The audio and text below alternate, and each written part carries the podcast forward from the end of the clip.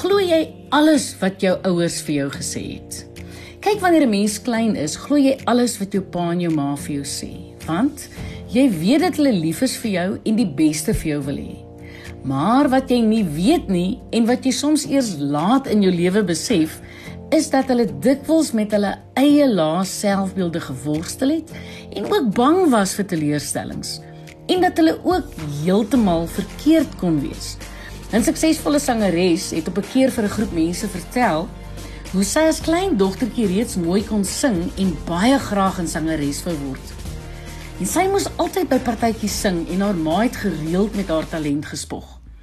Maar toe sy 5 jaar oud was, het haar pa, wat 'n baie goeie skilderkunstenaar was, vir haar gesê dat 'n mens nie regtig van jou droom jou loopbaan kan maak nie. En sy het hom geglo.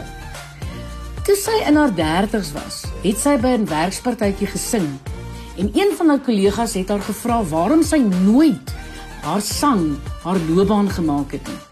En sy het daardie aand vir die eerste keer in 30 jaar haar pa se stelling bevraagteken.